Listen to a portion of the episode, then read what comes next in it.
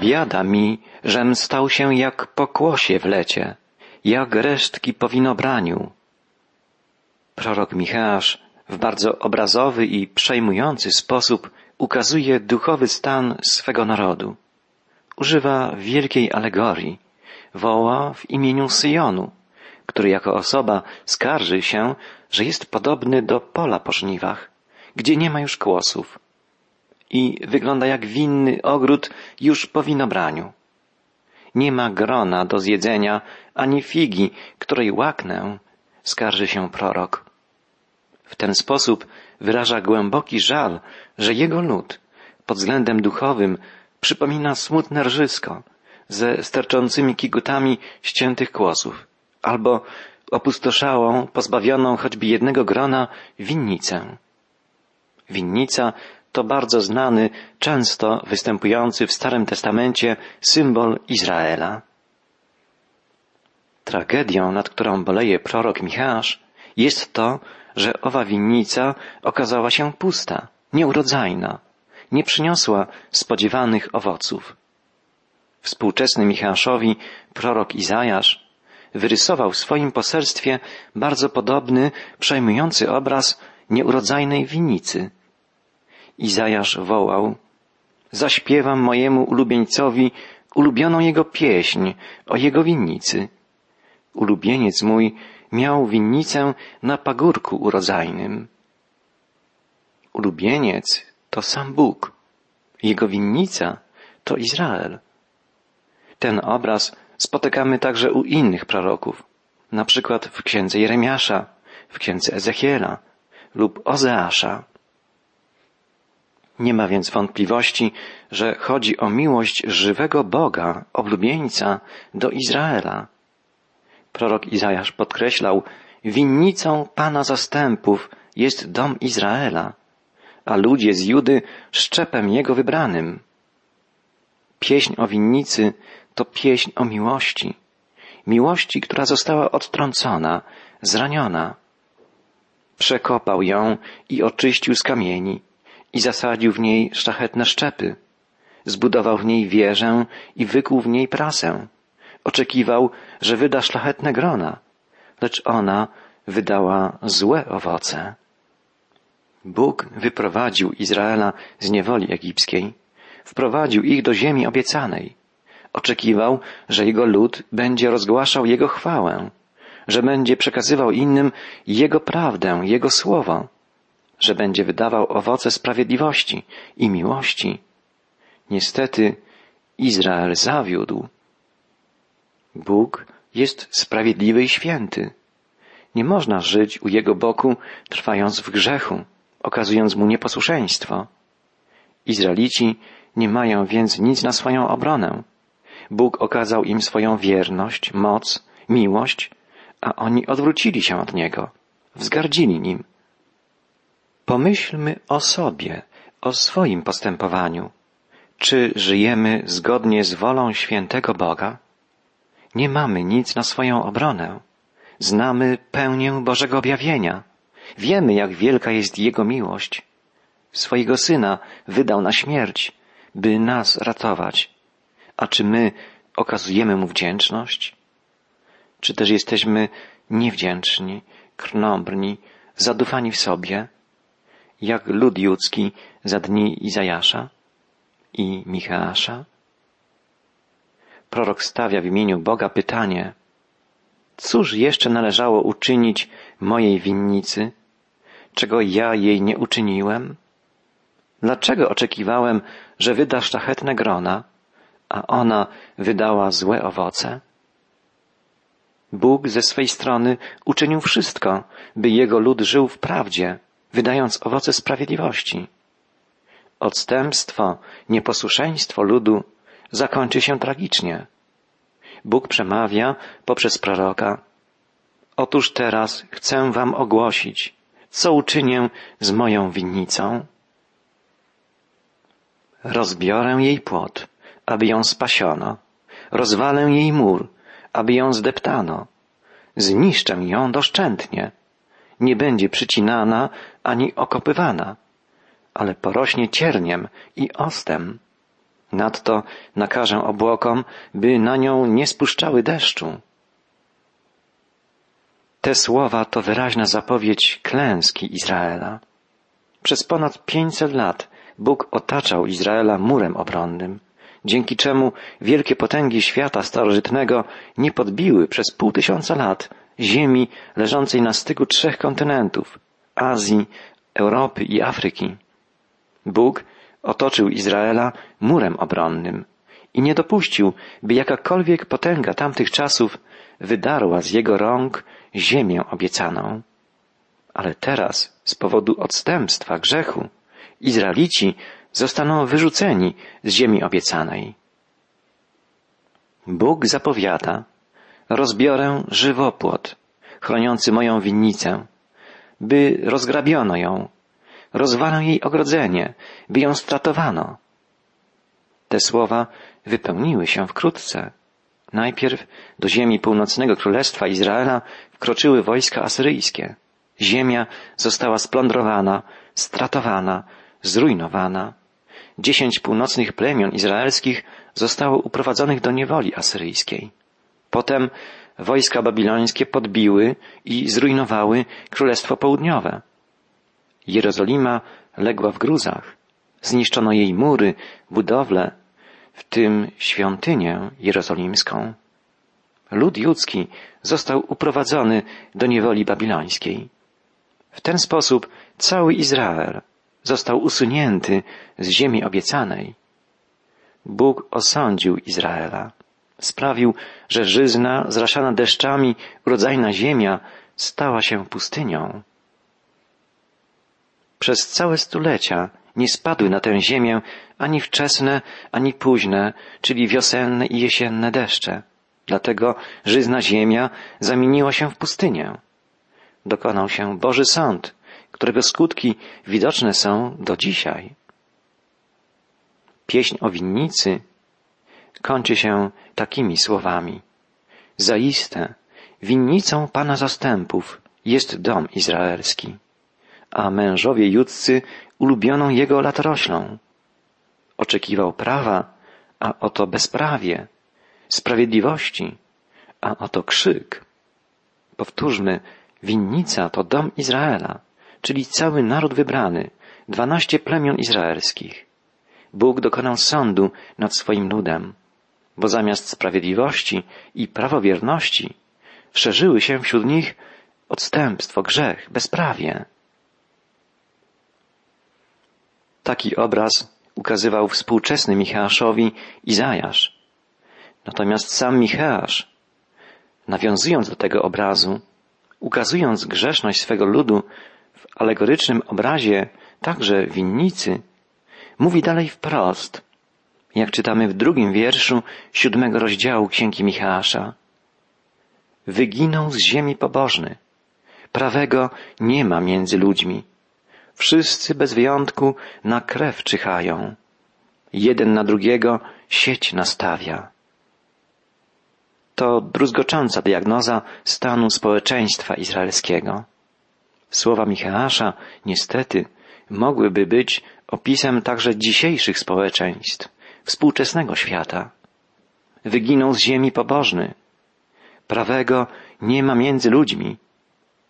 Dzisiaj bezprawie osiąga rozmiary epidemii. Wzrasta przestępczość, także wśród nieletnich. Nawet dzieci popełniają zabójstwa. Coraz mniej bezpieczne są nasze ulice. Jakże współcześnie brzmią słowa proroka Micheasza. Wszyscy bez wyjątku na krew czyhają. Jeden na drugiego sieć nastawia. Walka o bogactwo sprawia, że człowiek staje się człowiekowi wilkiem. Walka o wpływy, bezpardonowe stawianie na pierwszym miejscu własnych interesów. To wszystko sprawia, że narasta wrogość, niechęć, zachłanność, zawiść, rośnie obojętność na potrzeby innych, brak wrażliwości, znieczulica społeczna. To choroby duszy współczesnej ludzkości. Nie znaczy to, że nie ma dzisiaj, podobnie jak w czasach proroka Micheasza, ludzi dobrych, wrażliwych, szlachetnych, prawych. ale należą oni do zdecydowanej mniejszości. Generalnie w przerażającym tempie wzrasta bezprawie, bezbożność, zło. Dlatego Micheasz woła, wyginął z ziemi pobożny. Prawego nie ma między ludźmi. Wszyscy bez wyjątku na krew czyhają. Jeden na drugiego sieć nastawia. Do złego choćby obu rękoma. Do czynienia dobrze książę żąda złota, sędzia podarunku. Dostojnik według swego upodobania rozstrzyga i wspólnie sprawę przekręcają. Do czynienia zła ich obie ręce są gotowe, woła Micheasz. Natomiast do czynienia dobra trudno skłonić kogokolwiek. Książęta żądają złota, sędziowie podarunków, dostojnicy rozstrzygają wszelkie sprawy tak, żeby przyniosły im jakieś korzyści. Zmawiają się i wspólnie przekręcają sporne sprawy. To obraz prywaty, korupcji, nieuczciwości, zachłanności i niegodności warstw rządzących, wszelkich warstw przywódczych. Michał zwracał już uwagę na to powszechne zepsucie wcześniej. W trzecim rozdziale jego księgi zapisane są takie słowa. Słuchajcie tego, wy, naczelnicy domu Jakuba i wy, wodzowie domu Izraela, którzy czujecie wstręt do prawa i wykrzywiacie wszystko, co proste. Budujecie Syjon, przelewając krew, a Jeruzalem popełniając zbrodnię. Jego naczelnicy wymierzają sprawiedliwość za łapówki, a jego kapłani nauczają za zapłatę. Jego prorocy wieszczą za pieniądze i na Pana się powołują, mówiąc, czy nie ma Pana wśród nas? Nie spadnie nas nieszczęście. To postępowanie przywódców izraelskich trudno określić inaczej niż jako haniebne, niegodne, do gruntu grzeszne, złe.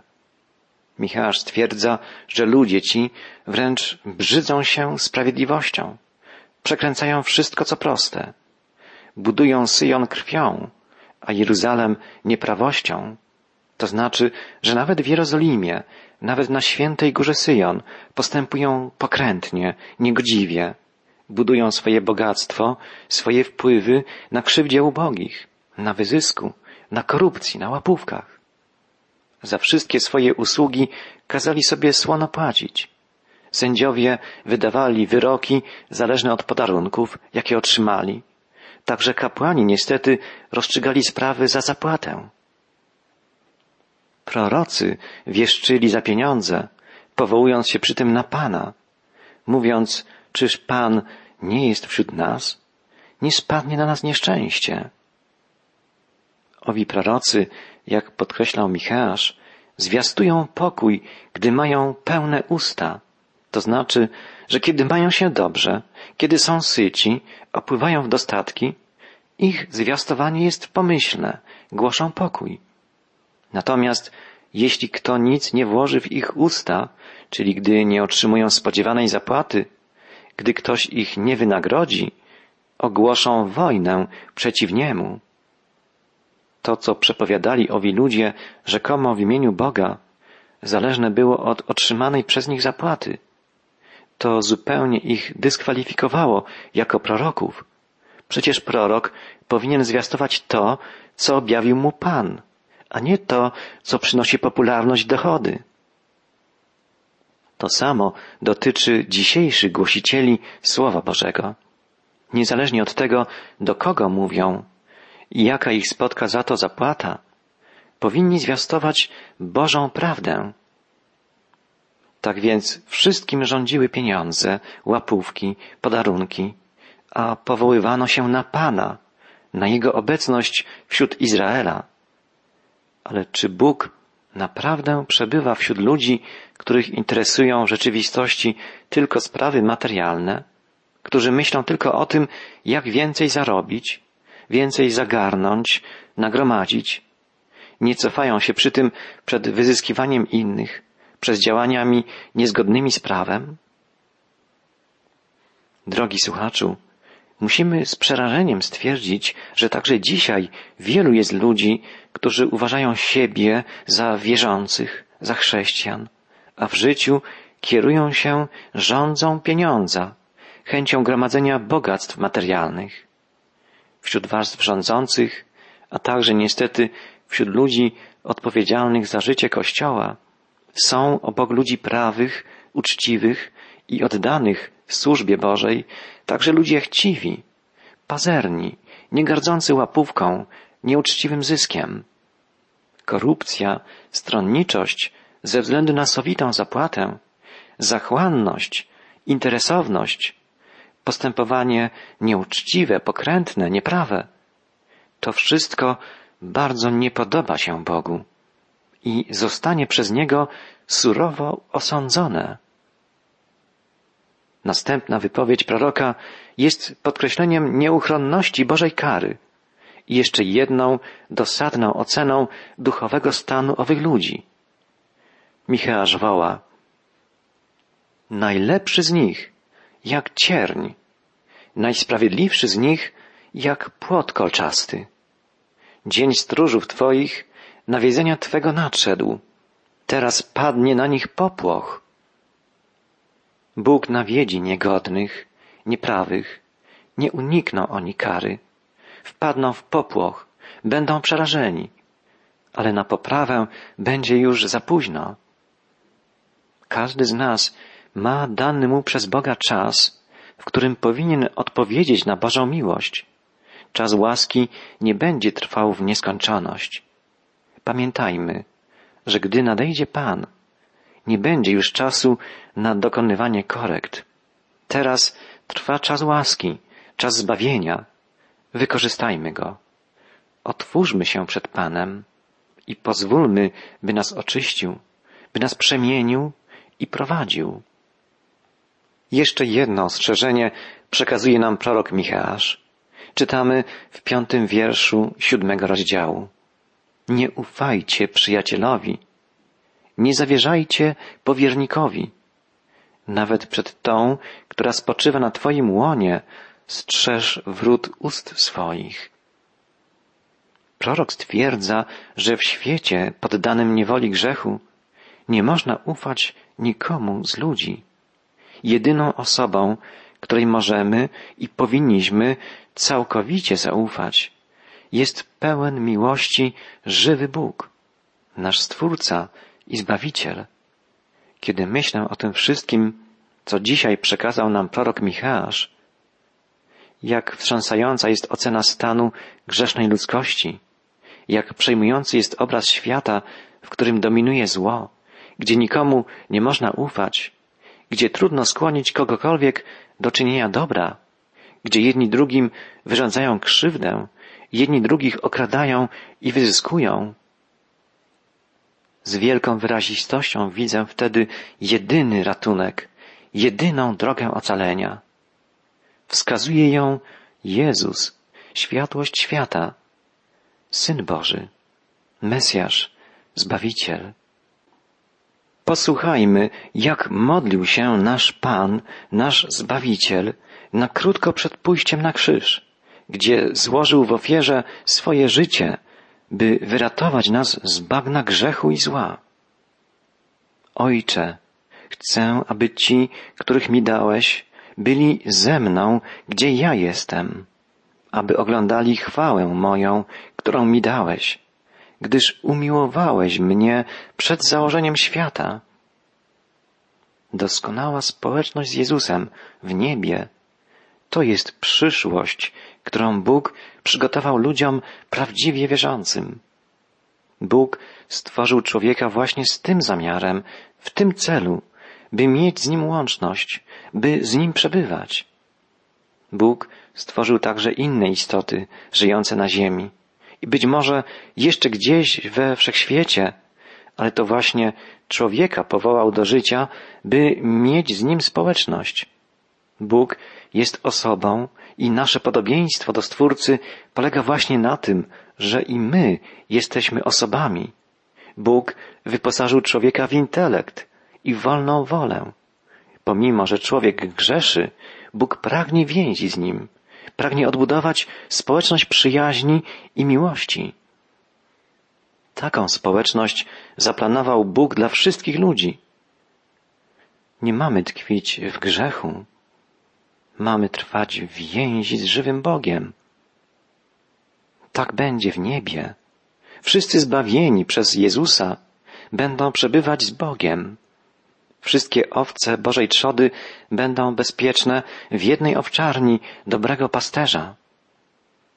Wspaniałą rzeczą w niebie będzie oglądanie chwały Chrystusa. Ze słów Jezusa, modlącego się do Ojca tuż przed swoją śmiercią, wynika, że cieszy się już na tę chwilę. Dlatego mówi, chcę, żeby byli ze mną, tam, gdzie ja jestem, aby widzieli chwałę moją.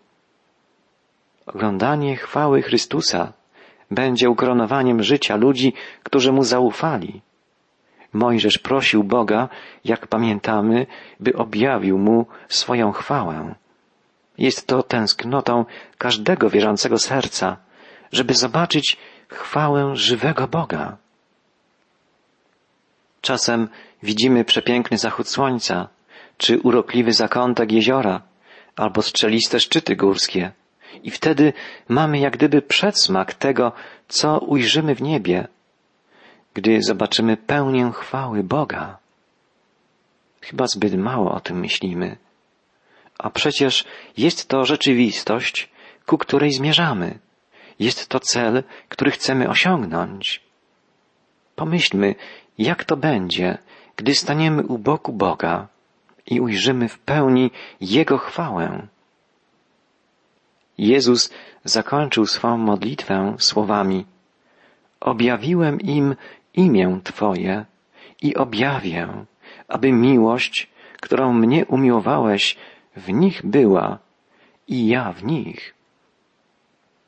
Ostatnia rzecz, o jakiej Jezus rozmawiał ze swoim Ojcem, wstawiając się za nami, była troska, by nasze serca wypełniła Jego miłość. Nie nienawiść, nie złość, nie niechęć, ale miłość. Jezus pragnie, by Jego miłość manifestowała się w życiu ludzi, którzy uwierzyli Mu jako Zbawicielowi. Drogi przyjacielu, czy w Twoim życiu inni dostrzegają miłość Boga? Miłowanie to jedyna droga zwycięskiego życia. Musimy zaufać Bożej miłości, powierzyć się Panu, który jest miłością i z Nim podążać aż ku wieczności.